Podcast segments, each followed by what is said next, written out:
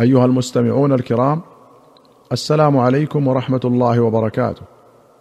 أخرج البخاري ومسلم عن أبي هريرة رضي الله عنه أن رسول الله صلى الله عليه وسلم قال إذا صلى أحدكم للناس فليخفف فإن فيهم الضعيف والسقيم وذا الحاجة وإذا صلى أحدكم لنفسه فليطول ما شاء. وأخرج مسلم عن عثمان بن أبي العاص رضي الله عنه قال آخر ما عهد إلي رسول الله صلى الله عليه وسلم إذا أممت قوما فأخف بهم الصلاة. وفي رواية أن رسول الله صلى الله عليه وسلم قال له أم قومك؟ قال قلت يا رسول الله إني أجد في نفسي شيئا. قال ادنه. فأجلسني بين يديه. ثم وضع كفه في صدري بين ثديي. ثم قال تحول. فوضعها في ظهري بين كتفي. ثم قال أم قومك فمن أم قوما فليخفف فإن فيهم الكبير وإن فيهم المريض وإن فيهم الضعيف وإن فيهم ذا الحاجة. وإذا صلى أحدكم وحده فليصلي كيف شاء. وأخرج الشيخان عن أبي قتادة رضي الله عنه أن النبي صلى الله عليه وسلم قال إذا أقيمت الصلاة فلا تقوموا حتى تروني قد خرجت وعليكم السكينة. قوله حتى تروني قد خرجت أي من بيته صلى الله عليه وسلم. قال البغوي هذا يدل على جواز تقديم الإقامة على خروج الإمام. وأخرج البخاري ومسلم عن أبي مسعود البدري رضي الله عنه قال جاء رجل إلى رسول الله صلى الله عليه وسلم فقال إني لا أتأخر عن صلاة الصبح من أجل فلان مما يطيل بنا. فما رأيت النبي صلى الله عليه وسلم غضب في موعظة قط أشد مما غضب يومئذ. فقال يا أيها الناس إن منكم منفرين. فأيكم أما الناس فليوجز فإن من ورائه الضعيف والكبير وذا الحاجة. وفي رواية فليخفف فإن فيهم المريض والضعيف وذا الحاجة. وأخرج الشيخان عن جابر رضي الله عنه أن معاذا رضي الله عنه كان يصلي مع النبي صلى الله عليه وسلم عشاء الآخرة ثم يرجع إلى قومه فيصلي بهم تلك الصلاة. وفي رواية قال كان معاذ بن جبل يصلي مع النبي صلى الله عليه وسلم ثم يأتي فيؤم قومه فصلى ليلة مع النبي صلى الله عليه وسلم العشاء ثم أتى قومه فأمهم فافتتح بسورة البقرة. فانحرف رجل فسلم ثم صلى وحده وانصرف. فقالوا له انافقت يا فلان؟ قال لا والله ولآتين رسول الله صلى الله عليه وسلم فلا أخبرنه. فأتى رسول الله صلى الله عليه وسلم فقال يا رسول الله إن أصحابنا واضح نعمل بالنهار وإن معاذا صلى معك العشاء ثم أتى فافتتح بسورة البقرة. فأقبل رسول الله صلى الله عليه وسلم على معاذ فقال يا معاذ أفتان أنت؟ اقرأ والشمس وضحاها والضحى والليل إذا يغشى وسبح اسم ربك الأعلى فإنه يصلي وراءك الكبير والضعيف وذو الحاجة. وسيأتي طرف من الحديث في باب صلاة التطوع. قال النووي فيه جواز أن يصلي الفرض خلف النفل وعكسه والظهر خلف العصر وعكسه. ولم يرد عن معاذ أيتهما نواها فريضة صلاته مع النبي صلى الله عليه وسلم أم صلاته بقومه. وزيادة وهي له نافلة ليست في الصحيحين. وعلى التسليم بصحتها فهي من بعض الرواة وليست مروية عن معاذ.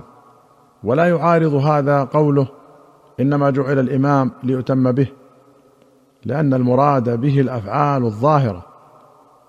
انتهى ملخصا. وأخرج الشيخان عن أنس رضي الله عنه أن النبي صلى الله عليه وسلم قال إني لأدخل في الصلاة وأنا أريد أن أطيلها فأسمع بكاء الصبي فأتجوز في صلاتي مما أعلم من شدة وجد أمه من بكائه. وفي رواية كان صلى الله عليه وسلم يسمع بكاء الصبي مع أمه وهو في الصلاة فيقرأ بالسورة القصيرة. وفي أخرى قال أنس ما صليت خلف أحد اوجز صلاة ولا أتم من رسول الله صلى الله عليه وسلم وكانت صلاته متقاربة. وأخرج البخاري عن أبي قتادة رضي الله عنه أن النبي صلى الله عليه وسلم قال إني لاقوم في الصلاة أريد أن أطول فيها فأسمع بكاء الصبي فأتجوز في صلاتي كراهية أن أشق على أمه. وأخرج مسلم عن أبي هريرة رضي الله عنه أن رسول الله صلى الله عليه وسلم قال إذا أقيمت الصلاة فلا صلاة إلا المكتوبة. وأخرج مسلم عن عبد الله بن سرجس رضي الله عنه قال دخل رجل المسجد ورسول الله صلى الله عليه وسلم في صلاة الغداة فصلى ركعتين في جانب المسجد ثم دخل مع رسول الله صلى الله عليه وسلم. فلما سلم رسول الله صلى الله عليه وسلم قال يا فلان بأي الصلاتين اعتدت؟ ابصلاتك وحدك أم بصلاتك معنا؟ وأخرج البخاري ومسلم عن عبد الله بن مالك بن بحينة رضي الله عنه قال مر رسول الله صلى الله عليه وسلم برجل وفي رواية أنه رأى رجلا قد أقيمت الصلاة يصلي ركعتين.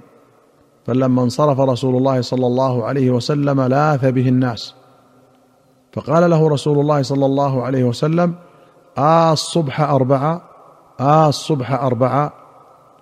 ولمسلم قال أقيمت صلاة الصبح.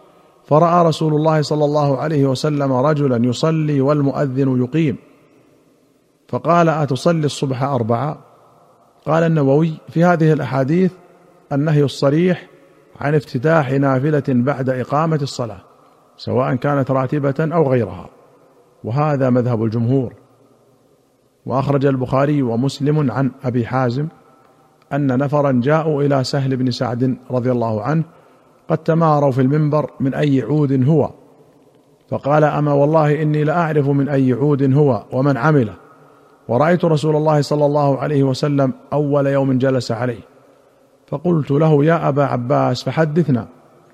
فقال أرسل رسول الله صلى الله عليه وسلم إلى امرأة قال أبو حازم إنه ليسميها يومئذ. انظري غلامك النجار يعمل لي أعوادا أكلم الناس عليها. فعمل هذه الثلاث درجات ثم أمر بها رسول الله صلى الله عليه وسلم فوضعت هذا الموضع فهي من طرفاء الغابة. ولقد رأيت رسول الله صلى الله عليه وسلم قام عليه فكبر وكبر الناس وراءه وهو على المنبر ثم رفع فنزل القهقرى حتى سجد في أصل المنبر ثم عاد حتى فرغ من آخر صلاته ثم أقبل على الناس فقال يا أيها الناس إنما صنعت هذا لتأتموا بي ولتعلموا صلاتي. هذه رواية مسلم. وللبخاري أنه سئل من أي شيء المنبر؟ فقال من اثر الغابة. عمله فلان مولى فلانة لرسول الله صلى الله عليه وسلم. وقام عليه رسول الله صلى الله عليه وسلم حين عمل ووضع. فاستقبل القبلة وكبر وقام الناس خلفه فقرأ وركع وركع الناس خلفه. ثم رفع رأسه ثم رجع القهقرى فسجد على الأرض. ثم عاد إلى المنبر ففعل مثل ذلك فهذا شأنه. قال البخاري قال علي بن المديني سألني أحمد بن حنبل عن هذا الحديث وقال إنما أردت أن النبي صلى الله عليه وسلم كان أعلى من الناس فلا بأس أن يكون الإمام أعلى من الناس بهذا الحديث. قال فقلت إن سفيان بن عيينة كان يسأل عن هذا كثيرا فلم تسمعه منه؟ قال لا. قوله طرفاء الغابة الطرفاء كالأثل تماما إلا أنه أصغر وقيل هما واحد.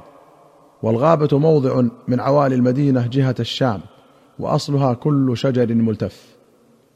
أيها المستمعون الكرام إلى هنا نأتي إلى نهاية هذه الحلقة. حتى نلقاكم في حلقة قادمة بإذن الله نستودعكم الله والسلام عليكم ورحمة الله وبركاته.